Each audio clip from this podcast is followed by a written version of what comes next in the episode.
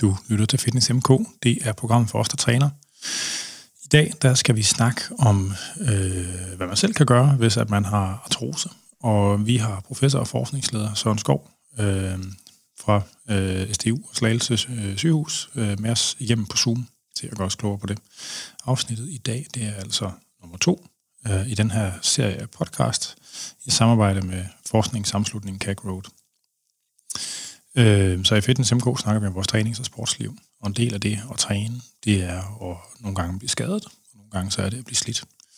Øh, og som Henning fortalte i det første afsnit, så øh, er skader specielt en meget stærk risikofaktor for, at man får slidgigt øh, eller artrose i sin led.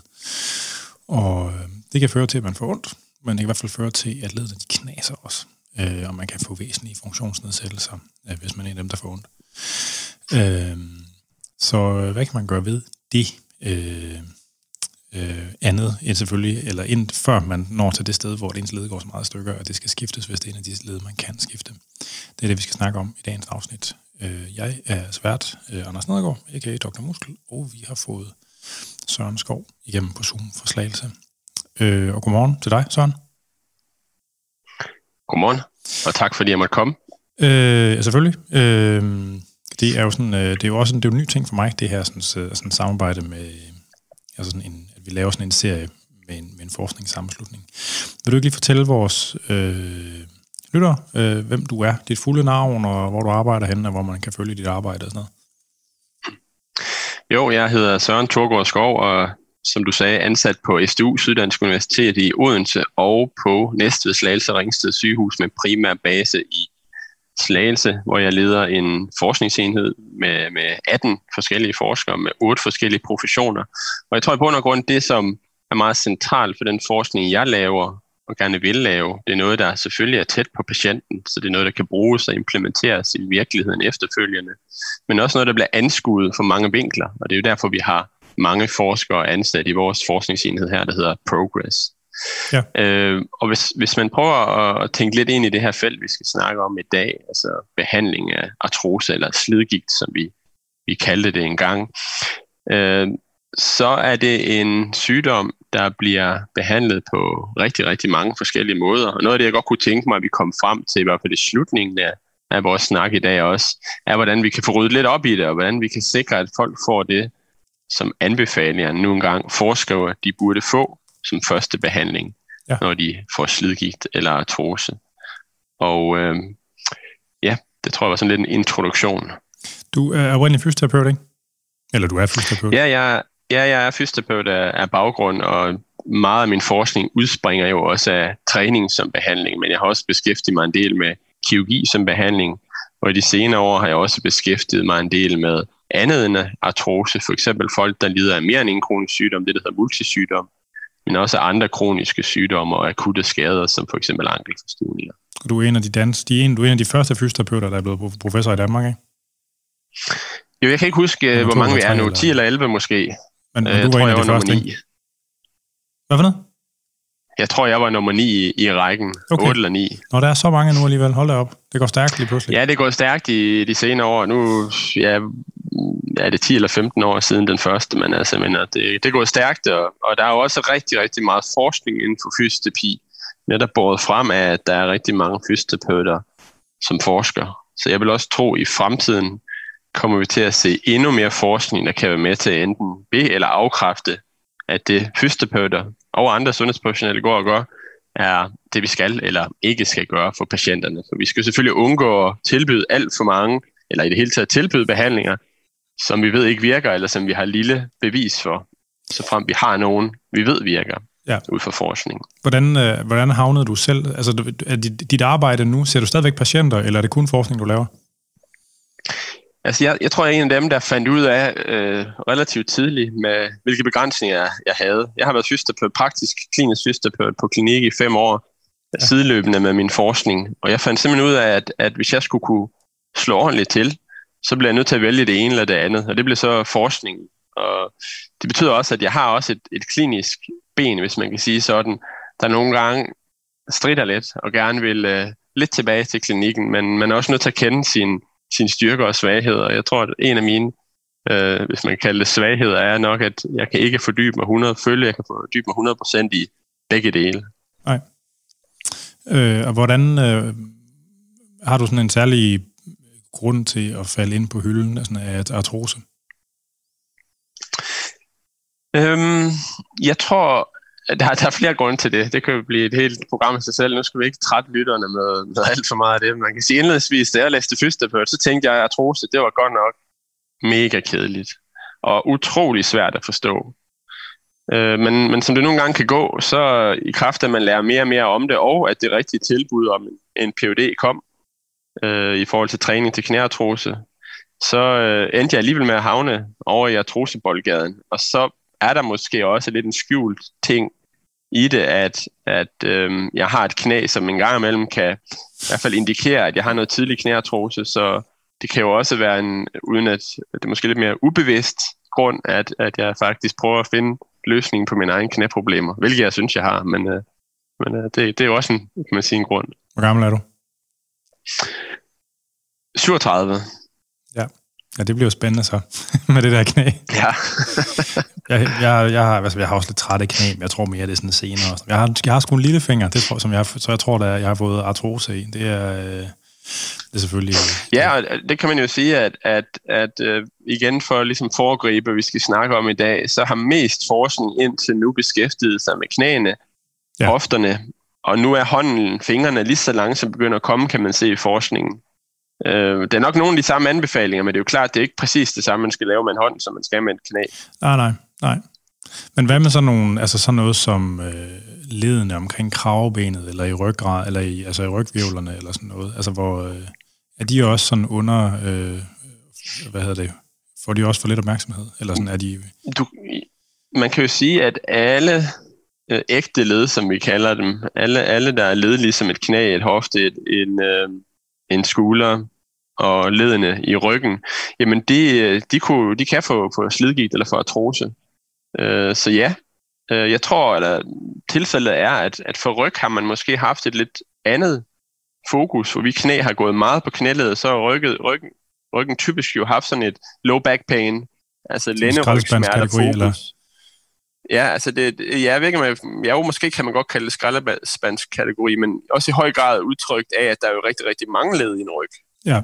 Øh, i, led, i, I knæet kan man sige, der er jo, det er jo opdelt i kamre, øh, men det er jo ikke på samme måde øh, ligesom sammensat en hel masse led, som, som ryggen er. Der er nu arbejde med at prøve at se på også på ryg, slidgigt i ryggen, eller artrose i ryggen, Øh, og jeg vil tro igen, at vi finder frem til nogle af de samme ting, selvfølgelig tilpasset til ryglydet. Og det samme kan man jo sige med, med kravbenet. Det er ikke noget i forhold til artrose, man har beskæftiget sig voldsomt meget med, men ja, man kan få artrose der, og det kan også være, være smertefuldt. Nu er det jo også, øh, det er jo også, fordi jeg har sådan en, en tilknytning til hele styrketræningstingen, og der er jo sådan en del af de der gamle bænkpresser, der får, øh, der får de der ting omkring kravbenene, nemlig senere i livet.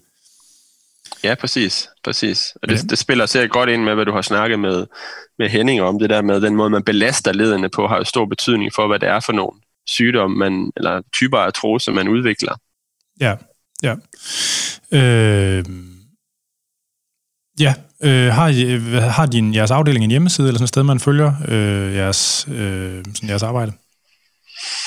Ja, øh, i forhold til mig personligt, så er I meget velkommen til at følge mig på Twitter, som er den sociale mediekanal, jeg bruger allermest.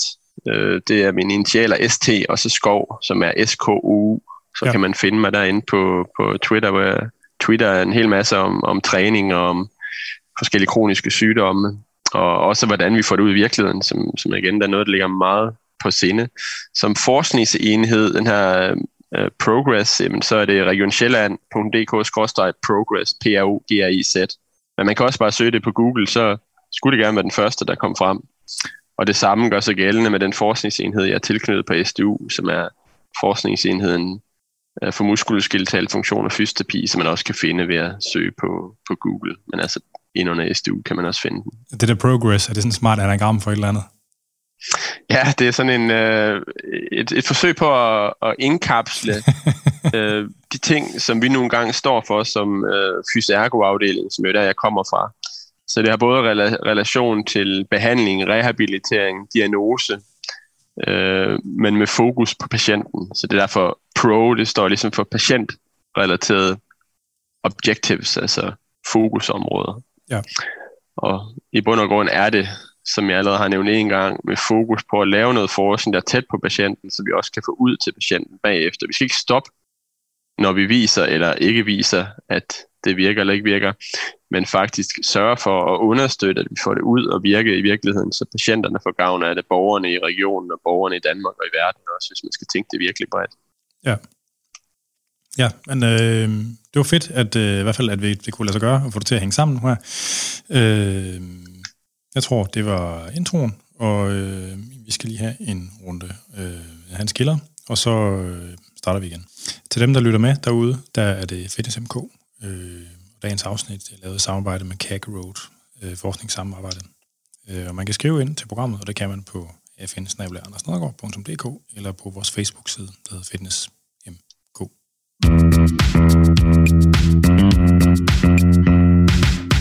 Dagens afsnit var produceret i samarbejde med CAC Road. Hvis du vil mere om CAC Road, kan du finde os på GCHSP's øh, hjemmeside.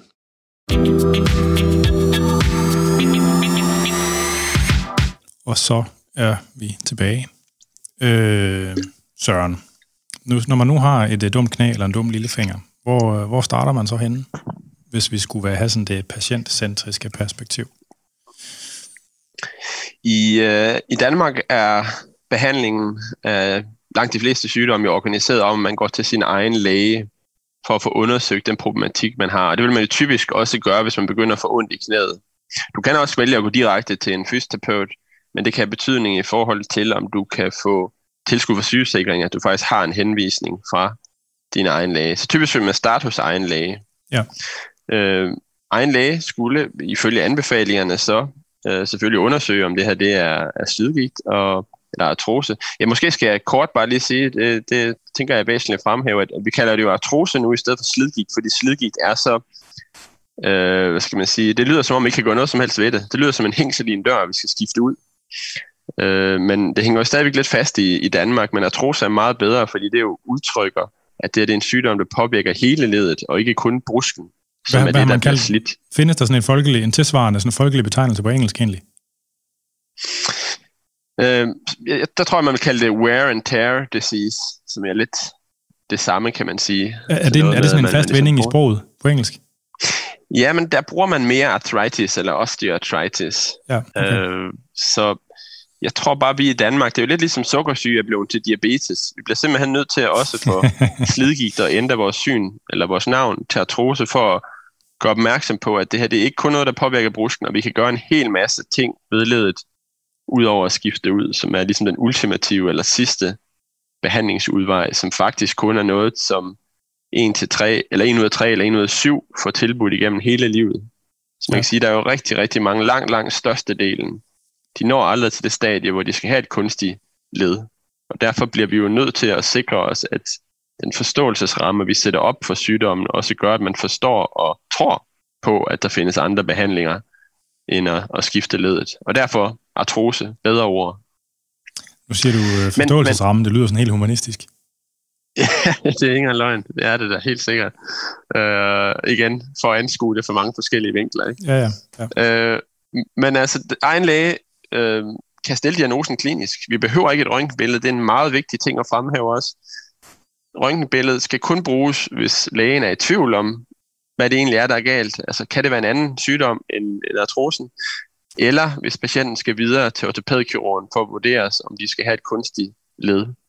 Så det vil sige, at vi behøver ikke røntgenbillede for at stille diagnosen. Den kan stilles klinisk, og når den praktiserende læge vurderer, at det her det er artrose, eller måske forstadierne til artrose, så vil øh, den rigtige tilgang, den første behandling, man bør tilbydes, det vil være uddannelse i sygdommen, hvad Må, må, det jeg stoppe, må indebærer- stoppe dig et øjeblik?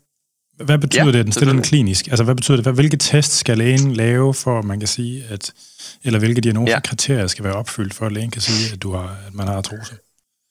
man kan sige, først og fremmest, så vil det typisk være folk, der er ældre end 40 år. Men har du haft en knæskade, for eksempel som 20-årig, så vil halvdelen af dem allerede som 35-årige have artrose. Sy- Symptomgivende Derfor er det meget, eller på billeddiagnostik?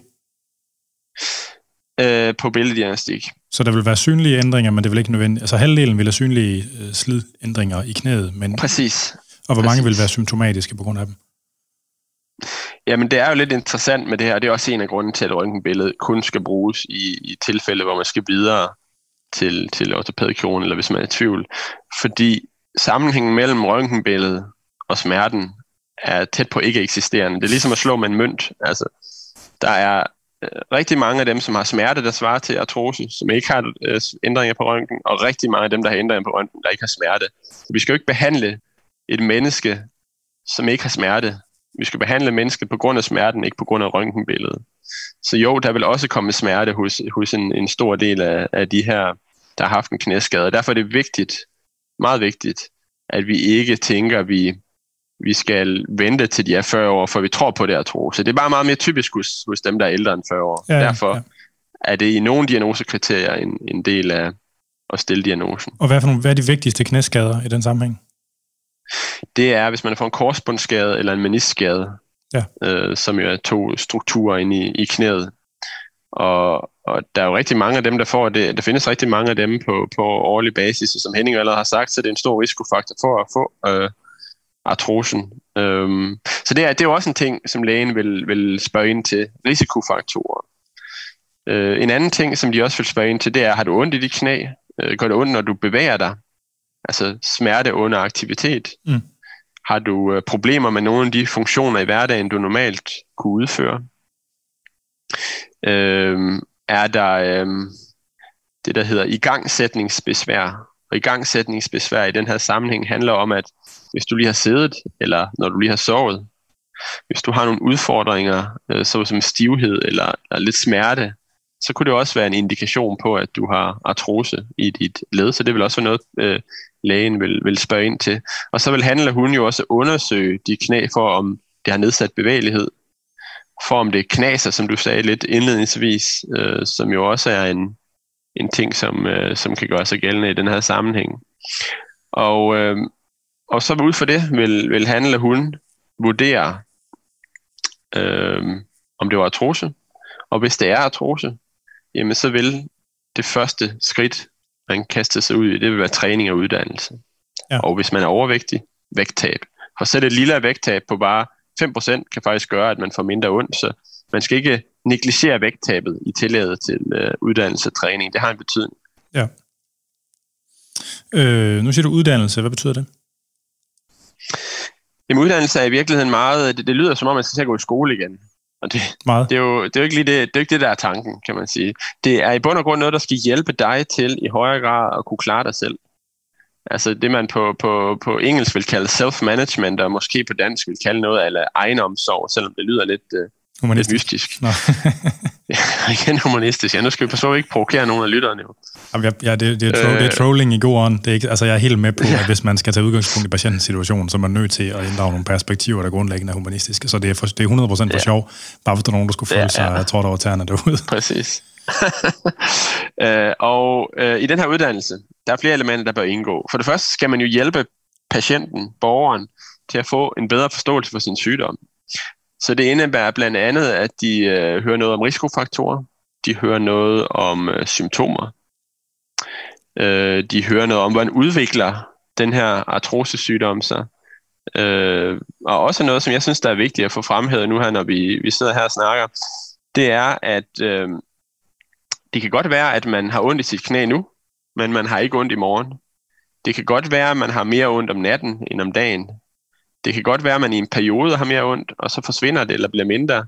Og sådan er det med smerten ved, ved artrose. Det er ikke sådan en konstant ensartet smerte, men det vi kan sige, det er, at langt de fleste, der har artrose, de vil over tid opleve, at smerten enten bliver gradvist værre og værre, eller at den bliver på det samme niveau.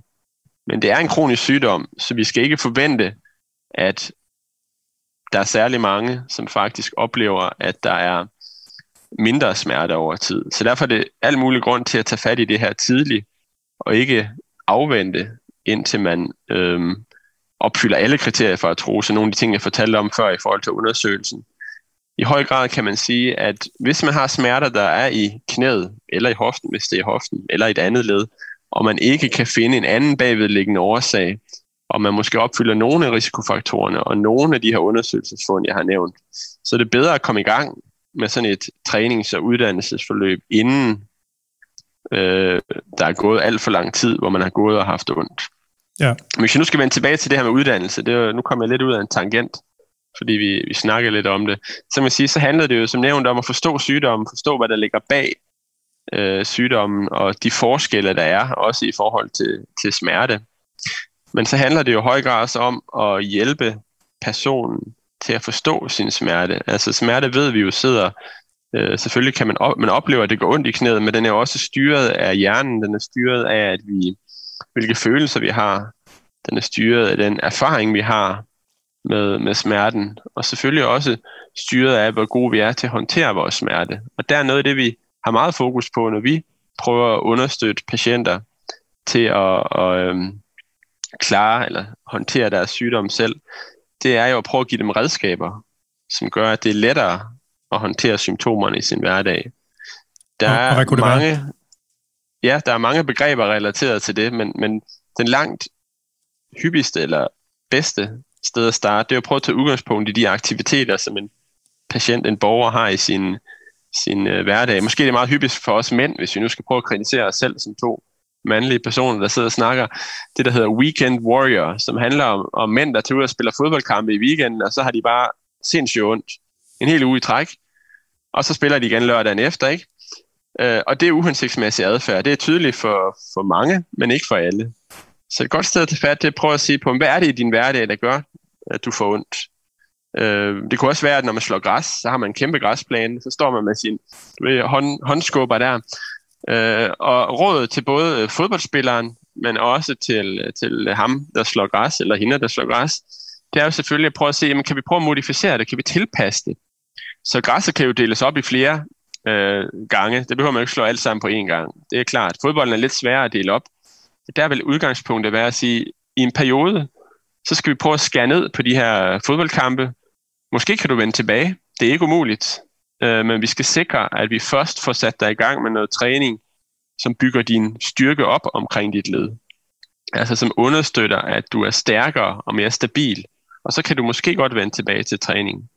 Hvis man så efter et forløb oplever, at sammen med patienten oplever, at øh, jamen, du er ikke klar til at komme tilbage til fodbold, så handler det jo også om at snakke om, hvad kunne ellers gøre af aktiviteter, kunne ellers gøre, at du var glad og tilfreds i din hverdag. Øh, så det er altså bare nogle, hvad skal man kalde det, tommelfingerregler eller måder, man kan være med til at hjælpe patienten til selv at håndtere sin sygdom. Andre ting er, er øh, en meget øh, interessant tommelfingerregel, som blev introduceret for mange år siden til folk, som havde, eller unge, som havde forreste knæsmerter, altså øh, som, som havde, havde smerter fortil på knæet, men som også er overført til artroseområdet, hvor vi har set, at det faktisk fungerer at sige til patienten, hvis du forestiller dig en linje, hvor 0 er ingen smerte, og 10 er maksimal smerte, så er al smerte op til og med 5, det kan du kalde acceptabel smerte. Det er okay. Øhm, og mens du træner, må du gerne have ondt til og med 5 på den her skala. Dagen efter må du gerne have ondt til og med 5. Hvis den er mere end det, så skal du øh, have lidt hjælp til at tilpasse dine aktiviteter eller din, din træning. Og hvis smerten 24 timer efter et, en træning ikke er værre, end den var før træningen, jamen så er det egentlig også okay. Så er det ikke noget, der ligesom forværrer dine symptomer. Og den tommelfingerregel bruger vi rigtig meget i den træning, vi tilbyder til de her patienter, fordi vi kan se, at det giver dem tryghed i, hvad må jeg, og hvad må jeg ikke, og, og hvad, hvad, hvad kan mit knæ holde til? For mange er rigtig bange for at forværre deres artrose, som følge af at deltage i et træningsforløb. Ja. Og det kan vi sige, at, at det, det kan vi faktisk i høj grad være med til at kontrollere. Det, skal man ikke være bange for. Så øh, trænings, når, når først man er begyndt at have dårlig brusk, er, er al aktivitet ikke forbundet i et eller andet omfang med accelereret øh, nedbrydning, men måske forbedret funktion på andre måder, eller hvad?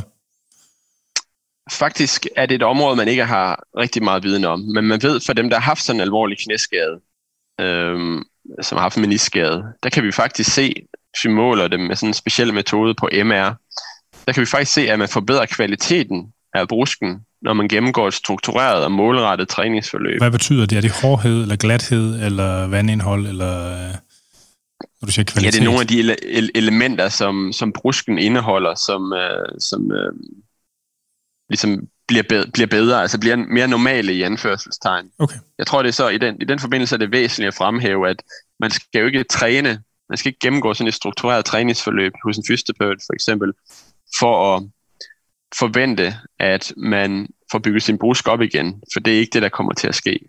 Men vi kan altså se på, på de her eksperimentelle studier, at man faktisk forbedrer kvaliteten af brusken.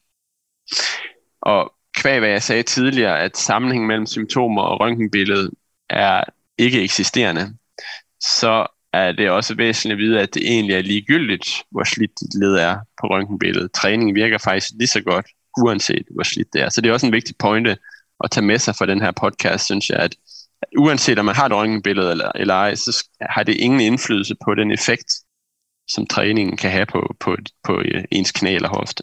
Nej, men øh, jeg kan ikke rigtig gennemskue, om, om øh, du helt svarede på mit spørgsmål, eller altså sådan... øh, så, så det, er jo, det, er jo, det er jo, kan man sige, det er jo indlysende, at hvis man går og skåner sig selv, fordi man har ondt, altså, så ender man med at få et mm. slappere og løsere led. Ja, ja, og, ja. Og, og det giver det mening at gøre noget for at forebygge. Men, men man kan sige, hvis først, at brusken er blevet ro, og der måske er kommet mm. huller og altså sådan noget, ikke? er al brug af den så ikke forbundet med et accelereret tab af brusk? Nej, så skal man ikke se på det. Altså, et, et sundt, rask led, der kan man øh, tænke det lidt som sådan en, øh, en, en gammeldags vægt, hvor at, at det, der bliver hele tiden noget, der bliver taget af, og hele tiden noget, der bliver lagt på, hvis man hyppigt belaster, eller du ved, belaster sit led dynamisk under aktivitet.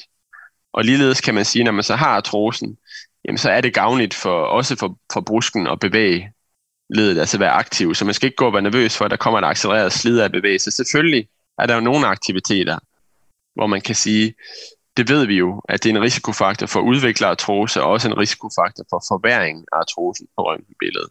Men det er ikke så, at man skal være bange for, at fordi man nu har fået artrose, så hver gang man, man er ude at bevæge sig, eller man deltager i træningsforløb, så forværrer man slidet på ledet. Det er, ikke, det er der ikke nogen grund til at tro, at det er så. Nej. Og Peter, jeg tænker, at der er jo nok mange idrætsaktive, ikke? Der er, altså, og hvad kan man sige, der er jo en tiltagende bevidsthed i befolkningen, altså om det her med, at det er vigtigt at være aktivt, særligt senere ja, i livet. Ja. Og der er mange elitemotionister, for hvem det er identitets... Øh, og sådan dannende og meningsgivende ja, da. Ja. Og, og, og, og, og udføre en sport. Så mange af dem vil jo nok have det perspektiv, hvor meget kan man lave, hvor meget kan man tillade sig at lave. Ja, bestemt. bestemt. Så det, så det, er, det, og, så det er det, jeg prøver på at øh, komme ind til. Ja, og det er sådan lidt en, øh, stadigvæk en, en ting, vi ikke helt er sikre på. Du kan forestille dig sådan en, en, øh, en graf, hvor ingen aktivitet eller lidt aktivitet, det er ikke godt for dit led. Heller ikke, når du har artrose.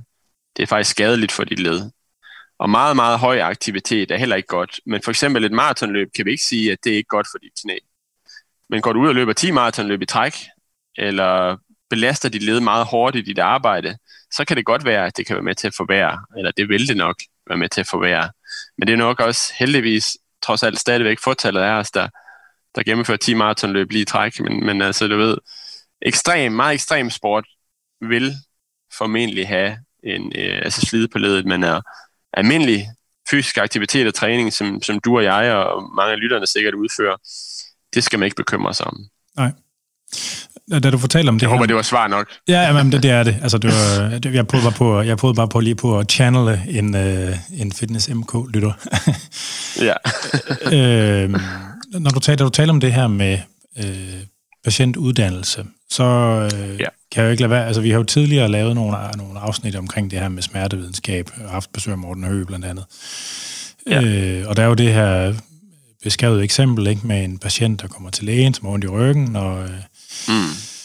så tager lægen sit skelet frem og siger, at det er også rigtigt, du har en diskusprolaps for L5, du skal i gang med noget genoptræning. Og så kommer han, i, i paralleluniverset, der kommer han også til lægen, og så siger lægen, at det er rigtigt, du har ondt i ryggen, du skal, du skal i gang med at træne. Altså ham der ligesom, hvor man peger på skelettet og på L5 og siger, den er, den er gal, puh, det er der, du har en diskusprolaps. Han kommer til at have mere ondt i længere tid. Øh, ja. Fordi at det, her noget, altså det påvirker den måde, man forankrer det i sit kropskort, eller hvad fanden det nu er, ikke? Så, man, så man processerer sanseindtrykkene anderledes. Ja. Øh, I, øh, øh, det, og det så kan man sige, lændrygsmerter er selvfølgelig anderledes i den måde, at det i højere grad er noget, der kommer og går, mens at for en slidgigtsforandring et knæ i højere grad bare er progressivt og nederen. Øh, I hvilket omfang altså kan man sige, det, det, at, det at få serveret beskeden om, hvad ens prognose er. Ikke? Hvis nu der man har den her person, der har fucket sin menisk op, eller haft en korsbåndsskade, som i mm. virkeligheden har en pisse dårlig diagnose, måske endda en, der er overvægtig. Ikke? Øhm, ja. I hvilket omfang, altså den der form for processering, altså fordi det at, det at få selve beskeden om, at det er progressivt, og det er nederen, altså... Ja. Øh, Altså, man taler jo også om det der med smertekatastrofering, at det påvirker, altså det der med at gå og have mm. bekymringer og fremskrivning af, hvor ondt man får, at det gør, at man oplever mere smerte. Øh, ja. I hvilket omfang er det noget, der er tænkt ind, og hvad ved man om, hvordan det påvirker, sådan, øh, hvordan kommunikation omkring øh, artrose påvirker smerteoplevelsen? Jamen, det har helt sikkert en, en stor betydning. Altså, man kan sige, hvis du nu i Danmark får at vide, jamen her har vi dit røntgenbillede, det er fuldstændig slidt ned, du har slidgigt, Øh, tryk på slid. så kan det da, ja, ja, slid på slid på slid. Så kan det da være svært at tro på, at det rigtige at gøre, det er at komme ud og bevæge sig. Det forstår man da godt. Og det er jo nærmest sådan en, jeg vil ikke kalde det en dødsdom, men en dødsdom forledet, kan man føle, ikke? Ja. Og der har kommunikationen en kæmpe betydning. Og vi ved også, i forhold til patienter med artrose, at smerteoverfølsomhed, eller sensitization, som man jo kalder det på engelsk, er noget, der spiller en rolle. Altså hjernes, hjernens, øh, både perifære, men også det centrale nervesystems evne til at processere den her smerte, øh, og, og at der centralt ligesom er en, en, en øget reaktion på et smertestimuli, eller et stimuli, som man ikke vil opleve som smertefuldt, hvis man nu var ikke havde ondt i sit knæ. Så det ved vi altså, det er slået fast, at det, det spiller en rolle også ved artrose. Ja det er bestemt noget, man skal tage fat på. Så det er jo både i form af, af kommunikationen, som man har med patienten i forhold til deres sygdom, det vi snakker om før med, hvordan man i tale sætter det, men også hvordan man i tale sætter behandlingerne af det. Ja. For vi kan faktisk se, at træning også kan være med til at påvirke det her smerteoverfølsomhed eller sensitization. Det har vi set på i, i tidligere studier. Så det kalibrerer Så det er altså noget, der kan ændres. Ja, det, det, det er i hvert fald til en vis grad reversibelt, og det tænker jeg også er noget af det, som er, er kommet frem i de senere år fra, fra, fra hjerneforskning, at den er meget plastisk, kan tilpasses. Ja. Og det kan vi også se i forhold til smerten hos patienter med artrose, at deres oplevelse af smerten, øh, både lokalt på knæet, men også andre steder som en reaktion på en mere central øh, smertereaktion, faktisk forbedres efter et træningsforløb. Ja. Så der er altså også der er noget, man kan tage fat på, både i forhold til kommunikation, men også i forhold til, hvordan man i tale sætter træning som en behandling af, af problematik. Ja, den her patientedukation, uddannelse, øh, det virker jo måske trivielt, det her med, at folk de skal lade være med at klippe hele deres øh, på en mm. gang, hvis de får ondt, eller de skal lade, altså sådan, øh, hvor, hvor, hvor, altså hvor, hvor, øh, hvor meget adfærdsjustering medfører det i virkeligheden? Altså er folk så dumme, i anførselstegn, øh, at de ikke magter det der selv? Eller, eller er det sådan noget mande-denial, sådan noget, sådan, det kan jeg godt? Eller... Jamen, jeg tror, det er at få i talesæt og diskuteret ens adfærd og få hjælp til at sætte nye mål og nye fokusområder og finde ny motivation. Det er noget, vi alle sammen har brug for. Ja. Øh, og det er jo ikke uddannelsen, eller øh, hvad skal man sige, de har råd alene, der gør det, men de er jo med til at understøtte de andre behandlinger, som vi kan tilbyde til patienten. Ja. Hvis vi nu for eksempel leder det videre til træning, så kan man sige, hvis du ikke, og det er også en del af uddannelsen, hvis du ikke kan se, hvorfor du skal bevæge dig på den her måde, som fysioterapeuten anbefaler dig, hvis du ikke kan forstå, hvorfor du skal blive ved med det, hvis du tænker, at, at det er noget, du, du kan gøre et par uger, og så, så behøver du ikke bevæge dig mere, jamen så vender smerten tilbage, og det, som gør sig gældende for meget af det, vi snakker om i dag, er jo noget, der kræver noget af patienten. Ja. Det er ikke bare et quick fix. Derfor så er det jo rigtig vigtigt, at man forstår, hvorfor, og man har motivationen til at gennemføre det, for ellers får man det ikke gjort, og får man det ikke gjort, så er der ingen effekt. Det er jo ligesom smertestillende medicin, kan man sige i bund og grund. Hvis du ikke tager den, så virker det ikke. Og træning er her smertestillende medicin, og tager du den ikke, så virker det ikke. Nej. Øhm, så noget, altså, undskyld, øhm, Henning han beskrev det her med, at nu, at jeg ved godt, vi, hvis det, vi snakker selvfølgelig mere om knæ, men det er også fordi, det fylder mere sådan i artrose-universet. Mm. Øhm, men øh, jeg mener, han sagde, at brusklaget i det raske knæ er en 3-5 mm på hver side, 4-5 mm. Øh, når brusken begynder at blive slidt ned, øh, så, så og, og, og, og, og, knæ, og ligesom ledet bliver, bliver mindre, så at sige, skaber det decideret løshed, eller, eller når musklerne og senerne selv og justerer sig ind øh, løbende med det brusktab? Altså, man kan sige, der er lidt sådan to klassiske symptomer, som relaterer sig til det, du siger der. Patienter med artrose, de kan både opleve nedsat bevægelighed, blandt andet på grund af de strukturer omkring øh, knæet og på grund af manglende, manglende plads til bevægelse. Og så den anden, som handler om det med løshed. Vi, vi kan se øh, på tværs af knæskade, på tværs af hofteartrose og, og knæartrose, at patienter de har manglende tiltro til, at deres knæ kan holde, altså knee confidence. Vi oplever også, at patienter oplever deres knæ som instabilt, og det kan der jo være mange og grunde det, til. det er subjektive beskrivelser, det er ikke me- me- me- mekaniske tests.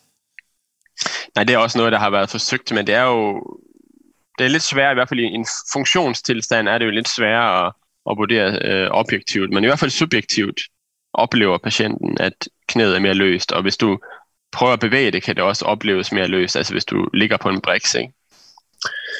Øh, og her er der jo kun én struktur sammen med, med dens hjælpekomponenter, som kan, øh, som kan overtage evnen for ledet til at være stabilt. Og det, er, det er jo dit ekspertiseområde, musklen, ikke?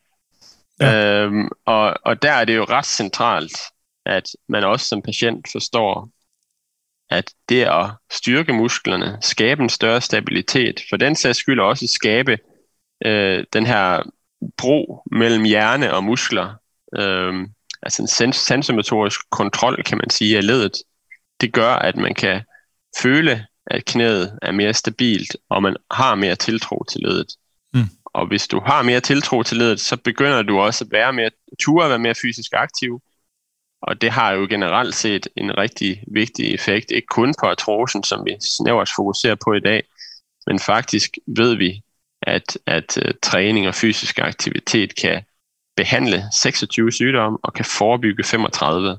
Så der er altså al mulig grund til, hvorfor vi skal tage fat på knæproblemet for at sikre, at den individuelle person også har det godt. Ja. Men altså, hvis man et, et, et, et slidgigtsramt knæ, altså hvis man hæv i det i benets længdeakse, altså er, er der så slack i det, sådan rent objektivt? Altså er der, er der slør i det? Mere det end kan i det der resten? være. Og det er også, der er også individuelle forskelle, øh, men det, det kan der da være. Okay. Øh, interessant. Øh, hvad for noget Så træning? Jeg, jeg tror, ja. Ja, træning. Jamen, øh, vi kan vel indledningsvis vende lidt tilbage til, hvor vi startede, at uddannelse, vægttab og træning ligesom er grundbehandlingen. Og vægttab jo selvfølgelig kun, hvis man er overvægtig, altså BMI 25+. Plus. er der en nedre grænse faktisk- for ønsket vægt? Hvad siger du? Er der en nedre grænse for ønsket vægt i forhold til symptomniveau fra øh, slidgigt, eller undskyld, artrose i, under, i, sådan i underkroppen? Nej, altså der, der, der ser man på det ligesom med, øh, du ved, vi- generelt set ser, at det ikke 18,5, der er den nede nu. Jeg det er faktisk Jo, lidt i tvivl om, hvad BMI-grænse, tror jeg der. Så, så det er ikke noget, man, man beskæftiger, altså det, det, nu er det ikke noget, vi nødvendigvis skal beskæftige os med i dag, men kost som sådan, ud over vægttab, er, altså du ved, kostpræparater og alt sådan noget, er ikke noget, der er tilstrækkelig forskning indenfor til, at vi kan sige noget om det, og derfor er fokus på overvægt, altså det vil sige reducere overvægt, ikke på undervægten. Men det er jo klart, at en undervægtig person kan jo måske også være præget af øh, muskelmasse, manglende muskelmasse, så det kunne være grunden til, at man skulle tage fat der, men ikke for nødvendigvis for at øge vægten. Ja. Så, så i forhold til træningen kan man sige, at det er, hvis vi tager og sammenligner ikke operative, ikke kirurgiske behandlinger, den mest effektive behandling. Ja. Det gør det jo ikke til et vidundermiddel. Det er jo ikke sådan, vi kan sige, at, at, at træning bare løser alt for patienter med artrose. Det har det, man kan kalde en moderat effekt. Men sammenligner man det for eksempel med... Ja, men øh, en god måde at sammenligne det, synes jeg, det er at sammenligne det med smertestillende medicin, altså paracetamol og NSAID, som jo er de mest almindelige præparater, hvis du har smerte. Og vi kan sige, at i forhold til paracetamol, øh, jamen, så har det to til tre gange så stor effekt. I forhold til NSAID har det i hvert fald den samme, hvis ikke en større effekt som smertestillende medicin, og væsentligt også jo, så tager det også fat på funktionen, som den smertestillende medicin jo ikke gør direkte. Så træning er altså en bedre smertestillende medicin, end den smertestillende medicin. Øh, hvis man nu, øh, hvis man tager en person med en slidgigtsproblematik, der måske oplever sådan et smerteniveau på, lad os bare sige, det ved jeg sgu ikke, 7 ud af 10. Øh, hvor stor sænkning på sådan en øh, smertescore oplever man i gennemsnit med sådan en optimal dosering af NSAID'er eller ibuprofen? Er det et par point eller tre, eller... Det kan variere. Jeg kan ikke... Øh, Hvis man skulle gøre det sådan lidt mere håndgribeligt for folk. Ja, i forhold til, øh, til, øh, til træningen kan jeg sige lidt om øh, ja. oplevelsen af det, hvis det, hvis det kan være gavnligt, fordi så kan vi jo ligesom ud fra det tage, tage vurderingerne. Ja, ja, ja. Så man kan sige, vi har jo det her tilbud, som jeg håber, vi kort kan bane til sidst, der hedder Godt liv med artrose i Danmark, eller GLAD. Ja. Øh, og der ser vi faktisk, at efter et træningsforløb, så har patienterne en reduktion i smerte på 27% for knæpatienterne og 22% for hoftepatienterne, som stiger til 28 og 26% efter et år. Okay. Så det betyder jo, hvis vi skal se på, det er jo en gennemsnitlig forbedring. Det betyder jo, at der er nogen, der bliver fuldstændig smertefri, men der er også nogen, der ikke får en synderlig stor effekt, men at gennemsnittet ligger på de her omkring 25 procent. Ikke? Og hvis vi så skulle ligesom prøve at oversætte det til, til, til smertestillende medicin, jamen paracetamol for eksempel vil jo så være noget lavere end det, hvis vi skulle tage udgangspunkt i det. Men, men væsentligt at fremhæve, tror jeg, at ikke kun for træning, men for behandling generelt, så er det utrolig individuelt, hvordan du oplever effekten. Så ja. vi kan jo kun snakke om gennemsnittet. Altså vi kan kun sige, hvad er den gennemsnitlige forbedring, Ja. og ikke hvad er øh, den enkelte persons forbedring. Vi har faktisk for nylig prøvet at se på, kan man med træning og uddannelse finde frem til nogle kriterier, som gør, at vi kan sige, en person, som opfylder de og de kriterier, vil have den her effekt, mens en person med de og de kriterier vil have den her effekt. Og faktisk ser vi, at det er ikke muligt. Vi kan ikke på den måde sige, at det er den her patient, der vil have gavn frem for den her person. Det er individuelle ting, der afgør det. Hvad for nogle kriterier har I forsøgt at kigge på der? Altså, I vil, I vil gerne forsøge at lave nogle kategorier, så man kan sige, at de skal lave det, og de skal lave det. Er det sådan, for, skal det forstås sådan? Det, det forstået sådan, at vi har ting, vi har, vi har mål på en hel masse ting, altså som øh, andre sygdomme, som BMI, som alder, som funktion, som livskvalitet. Og så har vi set på, vil man ud fra de her kriterier kunne lave en slags, kunne kalde det en lommeregner, man kunne sidde med hos den praktiserende læge, og så taste ind, patienten er så og så gammel, vejer så og så meget, øh, har så og så ondt. Han eller hun kan forvente den her effekt af at gennemgå et træningsforløb. Ja. Og det var selvfølgelig håbet om igen, og for at vende tilbage til, hvor vi startede, at prøve at forbedre klinisk praksis.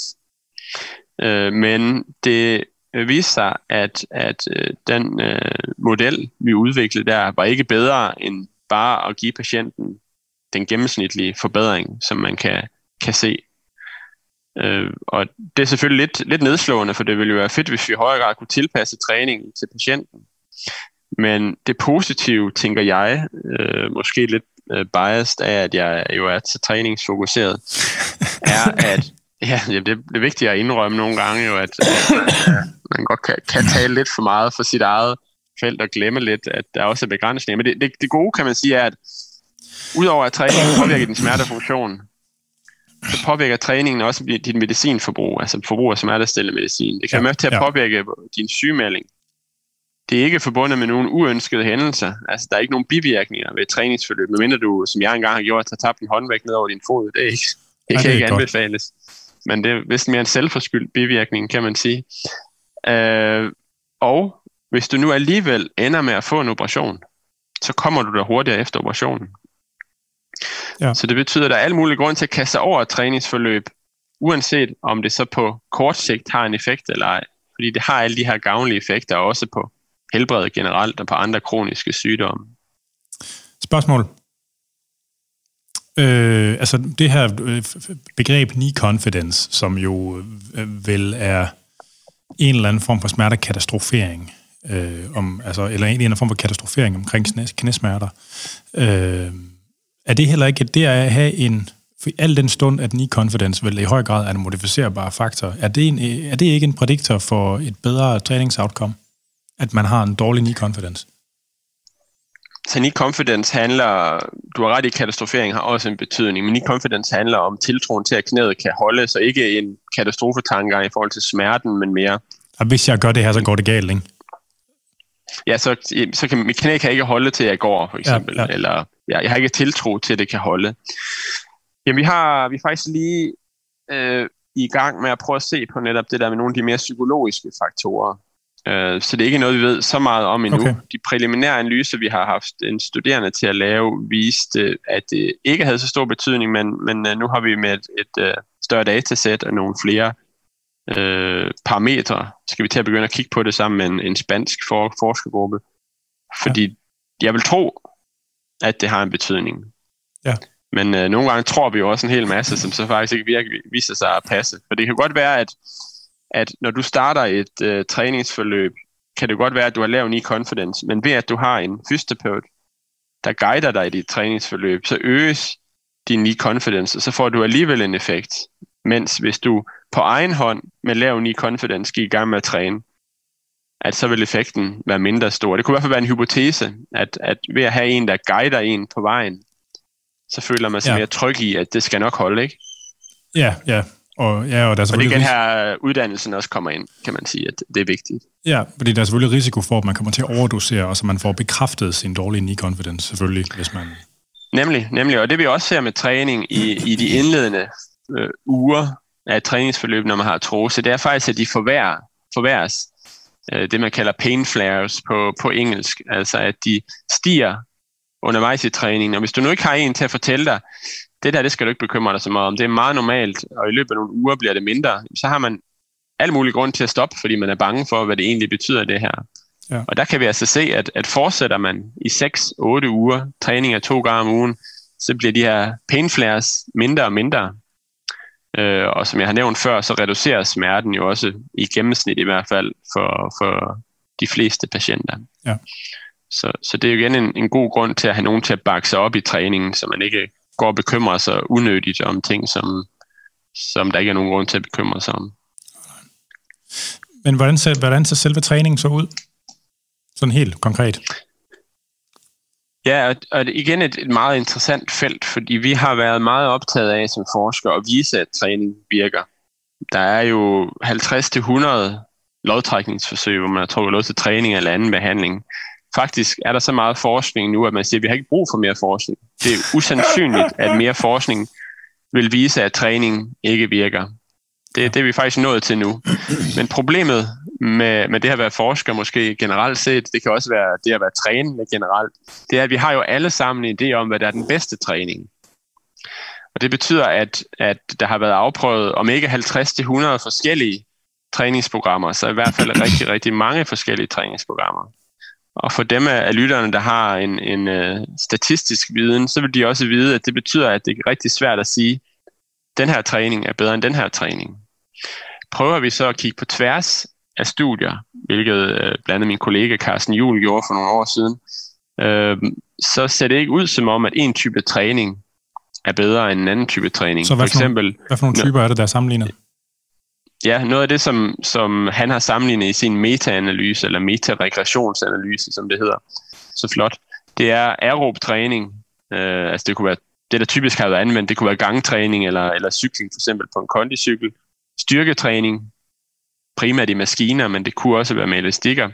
Og det, man kalder øh, funktionel træning, eller, eller måske mere øh, øh, at udføre specifikke aktiviteter, som at gå på trappe eller rejse og sætte sig. Ja. Sammenligner man på tværs af dem, så er de samme effekt på smertefunktion. Øh, og det kunne få en led i en til at sige, jamen så er det jo ligegyldigt. Vi skal bare i gang med at træne. Og det kan på sådan vis være delvist rigtigt, fordi øh, jeg tror på, at hvis vi bare får folk i gang med at træne, øh, struktureret og selvfølgelig understøttet, så vi sikrer, at de forstår, hvordan og hvorfor, og hvordan de tilpasser ved smerte, så skal det, kommer det til at have en effekt. Men vi har altså også indikationer fra forskningen, der siger, at for bestemte subgrupper af patienter, nu vender vi tilbage til det her, som vi før havde svært ved at vise karakteristika, som kunne forudsige effekten. Men ser man på forskellige typer af træning, kan vi faktisk godt se nogle ting, som forudsiger, om en type træning er bedre end en anden. Ja. Og jeg kan komme med et enkelt eksempel. Det er, hvis du har sådan en ustabil knæ, øh, så ser det ud som om, at hvis man tilbyder det, der hedder neuromuskulær træning, som er, træning, der, der sikrer mod mere funktionel, fornuftig belastning af knæledet. Kan du være mere konkret at det faktisk, det? Ja, jeg kan komme med nogle eksempler. Altså, det, den, den letteste tilgang til at forstå det handler om, at hvis vi nu ser på en, et ben, en fod, knæ og en hofte, så skal de være på en lige linje under træningen. Det vil sige, fokus er meget mere på, at man har korrekt alignment, frem for at man har meget vægt på, eller man har høj intensitet. Så altså alignment af ledet og udførelsen, funktionelle øvelser også, er vigtigere end selve belastningen. Ikke fordi belastning ikke er vigtig, men det er vigtigere. Det håber jeg gav sådan en eller anden idé om, hvad det kunne være. Så kan, kan du beskrive en helt konkret ja. øvelse, som man ofte vil bruge? Altså. Ja, selvfølgelig. Man kunne, man kunne sige, øh, og det er jo lidt i retningen af styrketræning, men hvis du nu forestiller at du står på to ben, du har spændt elastikken fast i ribben, og du laver en, en abduktion, altså udadføring af, af det ene ben, så kunne man forestille sig, at hvis du vil lave den uden at have fokus, uden at have neuromuskulær træning, så var du egentlig ligeglad med standbenet så handlede det om at lave en abduktion langt ud med en stor belastning. Altså føre benet Mens, væk fra midten. Præcis, præcis. Mens i neuromuskulær træning har du faktisk fokus på, at standbenet er let bøjet, og at fod, knæ og hofte er på en lige linje, altså at de er legnet i forhold til hinanden.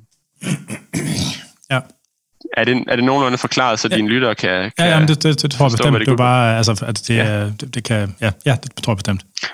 Så træningsbenet bliver faktisk i høj grad standbenet også. Ikke kun det udadførende ben, men faktisk også standbenet. Og det er meget karakteristisk for neuromuskulær træning kontra styrketræning, hvor man i høj grad har fokus på at øge vægten.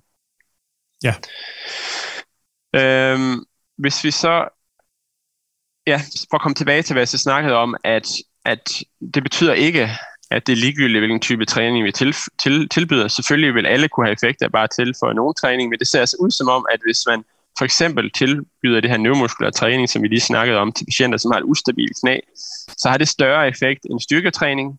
Og omvendt kan vi se, at styrketræning, altså styrketræning, for eksempel quadriceps træning af lårmuskulaturen, så ser vi faktisk, at dem, der udfører den type af træning, altså styrketræning, og er overvægtige eller svært overvægtige, de ser ud til at have større effekt end dem, som laver neuromuskulær træning og er svært overvægtige.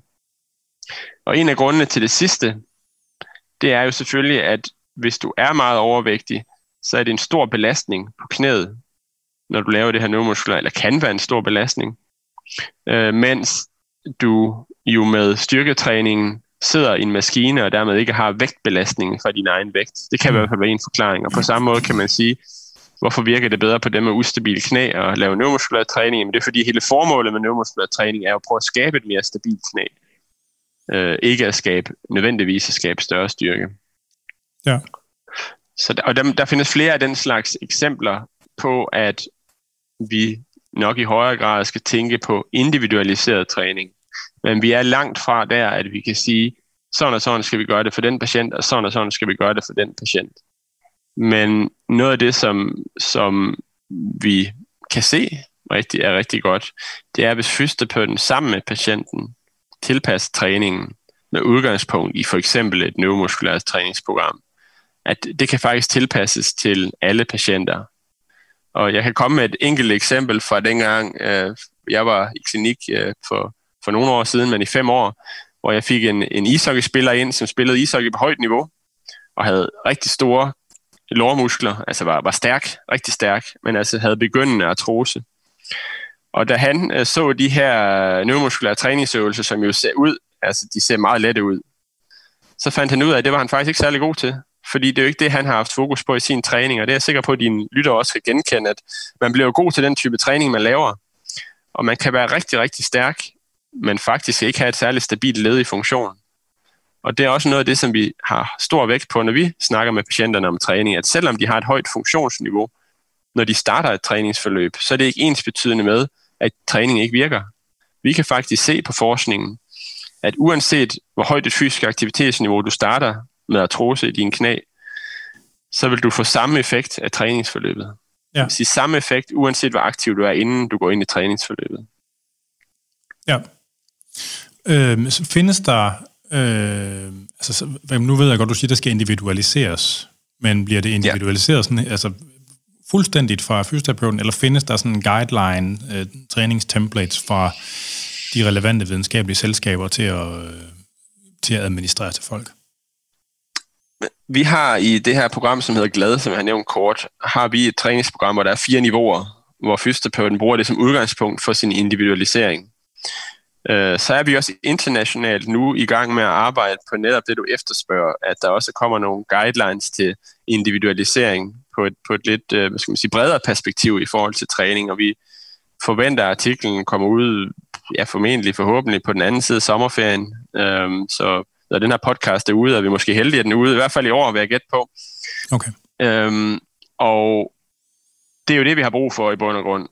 Både for, for den enkelte patients skyld, men også fordi vi ved, at man som fysioterapeut og måske en hvilken som helst anden faggruppe, retningslinjer er rigtig gode, men hvis de ikke foreskriver præcis, hvad man skal gøre, så er det utrolig svært at få det implementeret i ens hverdag. Ja.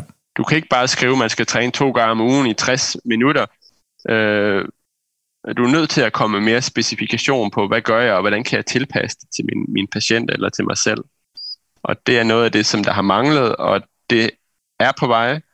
Men jeg tror også, at vi vil skal forvente, at der går lang tid, måske meget lang tid, inden vi når til, hvor vi kan sige, den her type patient skal den her type træning, den her skal have den her. Altså vi er stadigvæk på et stadie, hvor vi ved, at træning virker, men vi er ikke endnu helt skarpe på, hvad er det for en type træning, der er bedst. Nej. Nej. For den enkelte. Jeg, jeg forestiller mig, at der også er en udfordring i, at når man laver en træningsforskrift, altså at, der, at man vil gerne arbejde evidensbaseret. Og, og, altså, mm. øh, hvis der reelt ikke er et evidensbaseret argument for at vælge den øvelse frem for den anden, eller det antal sæt, eller den belastning, eller hvad fanden det nu mm. er, at så det, er det også en udfordring at lave en guideline, der rent faktisk skal komme med anbefalinger på de der ting, hvor der ikke er et evidensgrundlag nu. Fordi det, det er trods alt bedre, eller hvad kan man sige, i det øjeblik, eller i den kontekst, at det skal være patientnært og anvendeligt og sådan noget, ikke? så er der ja. nødt til at være ja. en eller anden anbefaling, også selvom man ikke har nødvendigvis en tilstrækkelig evidensbase til at anbefale det ene frem for det andet. Jeg, ja, jeg gætter på, at der ligger en udfordring i det. Præcis. Det, det er jo noget af det, som, som fremtiden nok skal være med til at, at understøtte.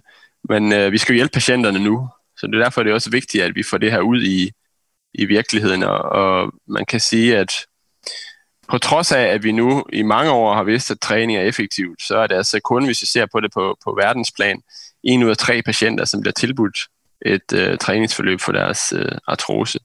Så der er altså alle mulige grund til også at fokusere på, hvordan får vi det ud. Ja, hvorfor er der så få, der bliver tilbudt det? Det kommer de ikke til lægen, eller sender lægen ikke det rigtige sted hen, eller får fysioterapeuten ikke ordentligt fat i dem, eller hvor går det galt? Det er helt sikkert en, en, øh, en, en der er helt sikkert mange årsager til det. Hvis vi skal nævne nogle af de ting, der i hvert fald er medvirkende til det, så er det, at en ting er retningslinjer, en ting er evidens, noget andet er praksis. Det er rigtig svært, som jeg sagde før, at overføre noget til praksis, hvis man ikke får hjælp til det. Så, så det kræver selvfølgelig, at vi, vi uddanner fysioterapeuterne i at, at tilbyde træning øh, til deres patienter, for at starte med min egen faggruppe. Og det er jo så det, vi gør i det her gladforløb, øh, som jeg har snakket om et par gange. Så skal vi også øh, uddanne de praktiserende læger. Vi har i, i flere år været på det, der hedder lægedage, som er deres konfer- årlige konference eller kursus, øh, dage. Og der, der har vi også snakket med de praktiserende læger om at have det her i deres værktøjskasse, fordi de er nøglen til patientgruppen. Og det er jo ikke, fordi de er modvillige over for, at patienter skal træne. Jeg tror simpelthen, det handler om, at de ser så mange forskellige patientgrupper, at vi er nødt til at hjælpe dem på vej til, hvordan skal vi så lige præcis hjælpe den her patientgruppe. Så det er også et vigtigt step. Så er det også det med, øh, og det samme kan man sige til ortopædkirurger, altså der er jo også dem skal vi også understøtte i at sikre, at patienten har modtaget et træningsforløb, inden de bliver opereret, fordi det siger retningslinjerne. Men så sidst, men ikke mindst, så er der jo patienten. Og det er der, hvor vi skal have fat i nogle af de her holdninger, øh, som patienterne måtte have til det at være fysisk aktiv og træne. For jeg vil tro, mange af dine lyttere, de ved jo godt, hvorfor man skal træne. Men der er jo også rigtig mange, måske særligt øh, i den ældre generation, som ikke har været vant til at være aktive og træne ved siden, altså i fritiden ved siden af deres arbejde. Og der har vi altså en enorm stor samfundsopgave at løfte med at sikre, at de forstår, hvorfor det er vigtigt, men også oplever de effekter, det kan have at være fysisk aktiv og træne. Øh, så det handler altså både om, om øh, hvad hedder det, hvad man tror på, øh, og hvilke tilgange man har til det som behandler og som patient, men også at uddanne og understøtte, at det, det kommer ud i, i virkeligheden. Ja. Ja. Øh, det er blevet tid til en skiller.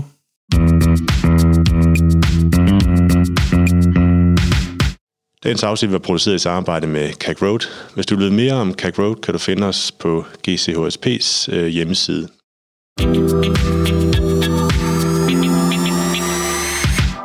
Så er vi tilbage. Øh, du snakkede tidligere om det her gladtræningsprogram, eller, eller det her træningskoncept, som man har kørt af i det danske artroseprojekt GLAD. Findes det online nogle steder, så folk kan administrere det på sig selv, eller er det øh, skjult? Det er, øhm, jeg vil ikke kalde det skjult, men det er et program, som indtil nu har været leveret face-to-face, fordi vi kan se, at superviseret træning, mindst 12 superviseret træning, er mere effektiv end ikke superviseret træning. Øh, og det har også medført, at der har været stor interesse faktisk internationalt. Altså det findes ikke kun i Danmark, det findes i Kanada, Australien, Kina, Schweiz, New Zealand. Altså det samme øh, eller parallelle programmer? Præcis, præcis. Noget af det, vi er ved at afprøve nu, for at tale ind i dit spørgsmål, det er øh, telebaseret eller skærmbaseret gladforløb. Apropos corona.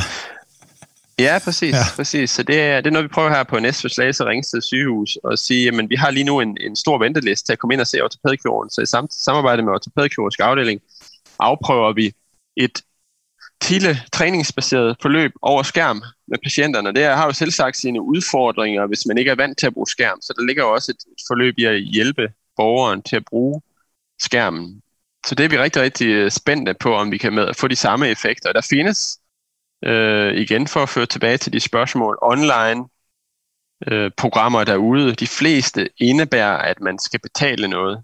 Altså man, man skal melde sig ind, men der findes også, hvis man søger på det, tilgængelige øh, ressourcer i forhold til øh, i forhold til træning. Jeg tror, mit, mit vigtigste råd i forhold til det, det er, at selvfølgelig er det jo helt fint, at man prøver at kaste sig over og komme i gang med at træne og være fysisk aktiv på egen hånd. Det hjælper jo ikke kun på knæene, på, på alle mulige ting. Men at rigtig mange borgere eller patienter oplever, at de har brug for den her guidning i at udføre træningen rigtigt, at de har brug for den her patientuddannelse til at forstå, hvorfor det er vigtigt, og hvorfor det er vigtigt at holde fast i sit træningsforløb. Og det er også derfor, at vi i hvert fald indtil nu har fastholdt, at det kræver et, et, et fremmøde hos fysioterapeuten. Og jeg tror, det er vigtigt måske i den fra sammenhæng at fremhæve, at det ikke engang fordi jeg tjener nogen penge på, på, på det. Altså, det er et non-profit initiativ, der har til hensigt at få forskningen ud i virkeligheden, øh, uden nogen som helst økonomiske interesser. Og det, det håber jeg, der kommer flere af den slags initiativer i fremtiden på andre områder. Altså er det, er det glad, du taler om Det er bare en udfordring. Præcis, det er ja, glad jeg. Ja, okay, Præcis, for, fordi jeg kan bare se, at det ikke kun på artroseområdet, men på mange kroniske sygdomme har vi den udfordring, at en ting er forskning, noget andet er praksis. Og hvis vi skal sikre, at patienterne får den behandling, som forskningen foreskriver, så bliver vi simpelthen nødt til at understøtte det, både som forskere, men også selvfølgelig som sundhedsvæsen, øh, at, at de her ting kommer ud i virkeligheden, og træning bliver en integreret del af sundhedssystemet i virkeligheden, kan man sige. Ja. Øhm, der, der er jo, jeg ved blandt lytterne, er der mange, sådan, man nok vil kalde elite motionister, og der er jo også øh, en del øh, personlige trænere, øh, der lytter med derude. Øh, så hvis man nu i en situation, for eksempel, øh, ligesom din i virkeligheden, ikke, hvor man har et knæ, hvor man tænker sådan, at den der er sgu nok et eller andet, der, der er der. Øh, altså, hvad for nogle ressourcer kan man bruge selv, altså før man går til lægen eller fysioterapeuten. Altså, fordi man kan sige, hvis, hvis uh, neuromuskulær fysioterapi uh, eller neuromuskulær, altså genoptræningsøvelser giver ja. mening, ja. Uh, så kan man lige så godt begynde at, uh, at lave noget af det selv, hvis man alligevel træner, kan man sige. Jeg vil foreslå at gå ind på, på Glads hjemmeside, for der vil man helt sikkert også kunne finde, uh, der vil man kunne finde nogle af de her ressourcer. Det er glaid.dk. Man skal lige huske i'et ja. i, i glad, fordi der er en bilforhandler i Kalundborg, så hvis man har en bil, så skal man udlade i'et. Men hvis, hvis man vil træne, så skal man huske i'et, så glaid.dk. Ellers ender man bare med en bil. Ja, det er det, det skal man passe på med. En, øh, han krævede for øvrigt 20 millioner for det site. Det havde vi ikke råd til en non-profit organisation. Så, så det, det blev ved ID i stedet for. Ja. Øh, men, men derinde, der vil man kunne finde nogle af de øh, ressourcer eller henvisninger til nogle af dem, og, og så komme videre med det. Det er nok det letteste. For det er jo lidt en jungle det her trænings... Øh, øh, generelt træning, kan man sige. Der findes jo så mange YouTube-videoer, at det er svært at referere til en YouTube-video. Øh, så derfor tænker jeg, det er et godt sted at starte, for der vil man også kunne finde links. Altså. Ja, og der er jo sådan en mærkelig grænseflade mellem, øh, mellem personlig træning og, og fysioterapi. Og der er mange personlige mm. trænere, der gerne vil have fysioterapeuter, og der er mange fysioterapeuter, der gerne vil have personlige træner, selvom det er nogle forskellige mm, håndværk. Ja, det er rigtigt. Øh, ja. Og det er jo det er selvfølgelig, øh, ja, det er selvfølgelig en udfordring. Men altså, det er jo... Øh, og, det, og det er jo også nok en grænseflade, der kommer til at blive mere og mere udvisket med tiden efterhånden, som der kommer altså efterhånden som at, at hvad kan man sige, anførselstegn, rigtig træning kommer til at fylde mere i fysioterapien, og at, mm. og at meget ligesom af hele det der genoptræningsvidenskab, det bliver mere populær, altså gjort populariseret og tilgængeligt for almindelige mennesker. Altså, øh, ja, ja. Er der nogle internationale... Ja, bestemt. Det er jo ligesom netdoktor og sådan noget, ikke? Altså, ja, ja. man kan jo stille sin egen diagnose, og så vil det være med. Også med behandling, så man i højere grad skal klare. Og det er jo også det, sundhedssystemet ligger op til. Det kan man jo synes om, hvad man vil, men sundhedssystemet går mere og mere i retning af, at vi skal håndtere mange flere ting selv tæt på, hvor borgeren er, i stedet for at ind og rode på sygehuset og have en hel masse behandlinger. Og det, det er jo godt for de fleste, men der kan jo også være nogen, som har svært ved at leve op til selv at skulle håndtere sine symptomer. Ja, ja. Er der nogle internationale ressourcer, altså svarende til glad, eller som du vil øh, kunne, som du vil kunne pege på, som der kunne bruges? Eller, eller, ja. eller, eller videnskabsfolk, der laver øh, offentlig formidling om sådan noget, eller altså sådan? Altså, der er jo... Øh, jeg synes, på, på feltet med at implementere, der findes der jo en fyr, der hedder Christian Barton, som er meget god til det. Han er også, øh, nu kan det virke som, jeg kun reklamerer for folk, der er med glade, men han er glad, med glad i Australien. og, og, så ham kan man, hvis man er lidt i tvivl om, hvad man staver til hans navn, så gå ind på gladinternational.org, som jo så ligesom er vores over øh, hjemmeside. Der vil man kunne finde øh, hans information og også læse mere om, hvad, hvad GLAD er internationalt. Så GLAD, er det blevet udvidet til andre lande under det samme akronym? Præcis. præcis. Nice. Så bliver det så bare from, from Denmark i stedet for in Denmark, kan man sige. Ja, så det bliver sådan ja. en eksport, eksport ting. Eksportvare. Ja, det er ret sjovt. Øh, der kan man uh, finde forskellige uh, ting i forhold til, uh, skal jeg lige se her, nogle ressourcer, nogle infographics. Og der er et eller andet, der skraber mod din mikrofon. Okay. Er det bedre nu? Okay. Ind på den side kan man, nu har jeg lige åbnet den, der kan man finde videoer og infographics, altså nogle billeder med, med forskellige beskrivelser. Man kan finde publikationer og træningsprogrammer kan man finde derinde og sådan noget. Okay. Så der er altså, øh, det er også et godt sted at gå ind. Altså det er GLAD, altså international.org. Uden nogen bindestreg, eller? Ja, ingen bindestreg, nej. Okay.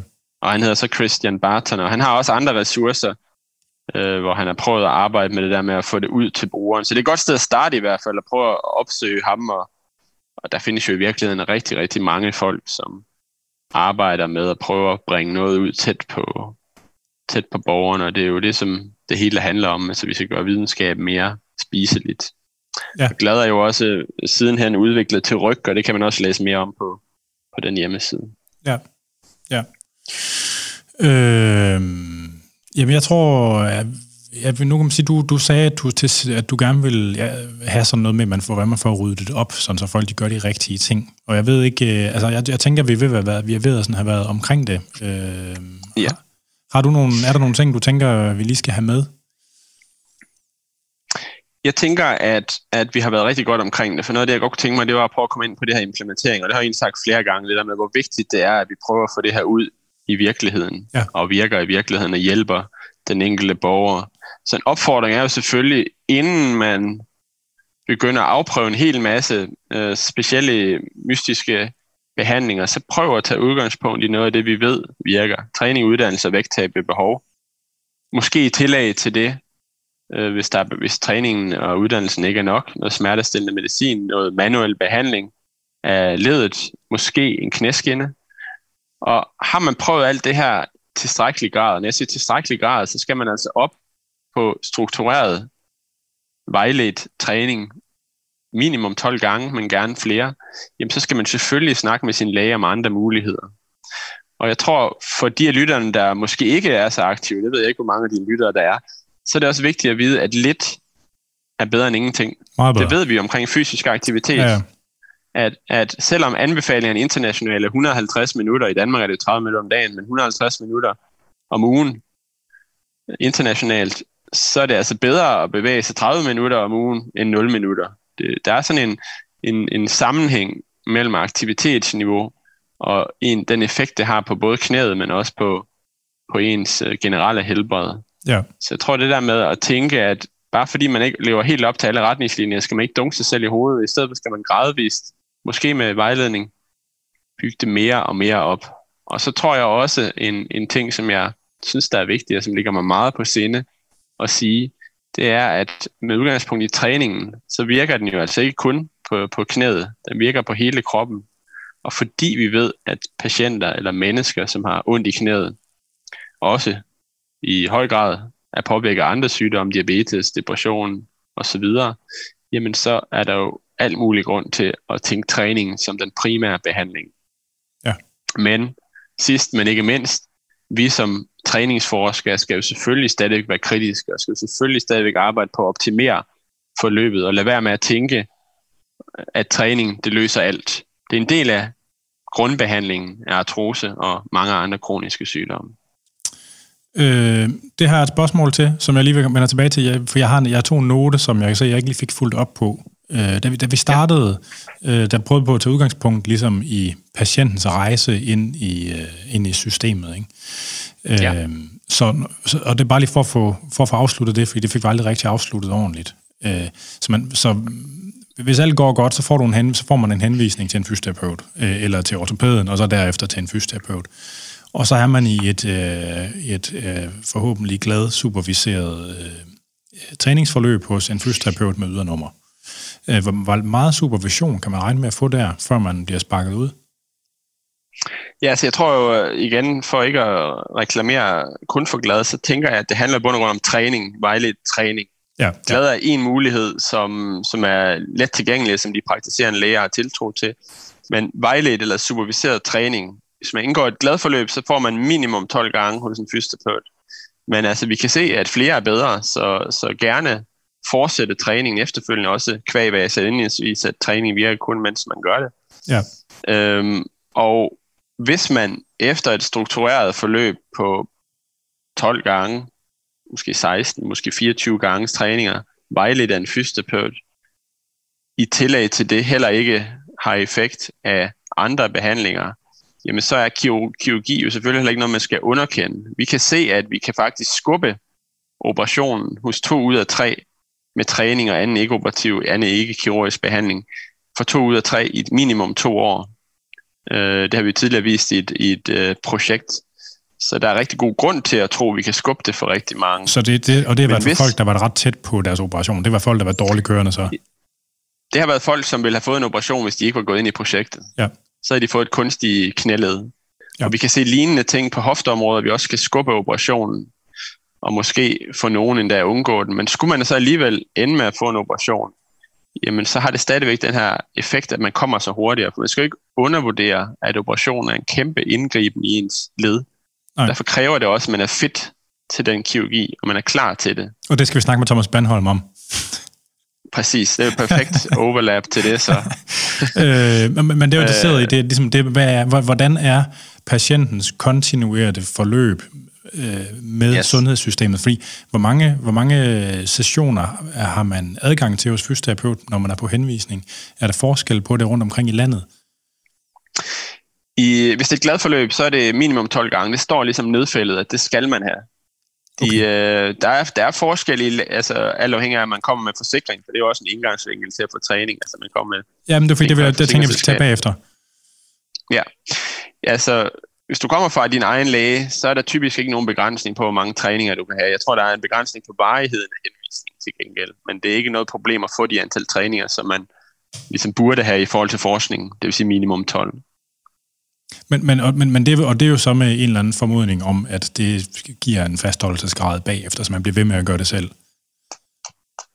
Ja, det ligger jo også indgroet i et forløb, ikke kun i glad, men i generelt hos en fysioterapeut, men selvfølgelig skal sikre, at patienten fortsætter, og det behøver jo ikke være, de skal jo ud til, altså de skal motiveres til at fortsætte. Det betyder også, det er ikke sådan, at de skal fortsætte i fysioterapiklinikken, hvis de hellere vil tilbage til at lave gymnastik. Man skal jo hjælpe dem tilbage til det, ja. som er realistisk, men som også motiverer dem, kan man sige. Ja, ja, ja. Øh, og, og så formoder jeg, at man ser det samme som alle mulige andre interventioner, at der er et tab af fastholdelse, når, når folk de kommer ud og skal være selvkørende. Det er kildesalen ved al træning, vil jeg sige, og måske alt, træ, alt øh, behandling, der, der indebærer, at man gør noget selv. Det er, at man mister folk. Altså det, det er en kæmpe udfordring. Og her er en af de ting, som vi i hvert fald har til hensigt at fokusere på i fremtiden, er at se, at man for eksempel kan finde nogle elektroniske måder at fastholde folk på. Her kunne en app for eksempel jo være super genialt, hvor man kunne fortsætte med at mødes i et netværk af, af ligesindede, øh, og motivere hinanden til at træne, og måske endda konkurrere, hvis man er til den slags, på, på hvordan man træner. Øh, for det er øh, altså nøglen til at træning fremadrettet også får en central plads i sundhedssystemet, det er at knække nøden for, hvordan får vi egentlig folk fastholdt. Ja. Så mange som muligt i hvert fald. Kan man så få en ny henvisning, hvis man, hvis man har været, og man er kommet ud og være selvkørende, og det kører ikke rigtigt? Kan man så få en ny henvisning til et nyt forløb? Jeg tror, hvis man snakker med sin læge og taler rigtig pænt med vedkommende, så kan man nok godt. Det er jo klart, at vi har nogle begrænsninger i sundhedssystemet, men, men hvis, hvis lægen oplever, at der er et fornyet behov, så burde der ikke være nogen grund til, at man ikke kunne. Men nu er det jo ikke mit ekspertiseområde, men, men mit indtryk er, at det er sådan, det hænger sammen. Ja, okay. Og ellers så er der øh, fysioterapeuter øh, uden ydernummer, der vil så tilbyder øh, Præcis, og så findes der jo faktisk også en tredjedel af kommunerne tilbyder også et glad forløb, øh, og der er det jo gratis som regel. Altså hvor du kan enten med henvisning eller direkte gå ind ad døren til kommunen og få et forløb. Og det er jo, altså en af paradoxerne i sundhedssystemet er jo, at træning koster penge, men operation er gratis. Altså det er jo skørt. Ja. At, at, du, at du skaber en, en socioøkonomisk øh, problematik, at det faktisk er, for dem, der ikke har penge, så bliver de nødt til, anførselstegn nødt til, at vælge en operation, for de har ikke råd til at prøve det, de anbefalingerne siger. Ja, ja, og det er jo meget, det er meget skarpt skåret.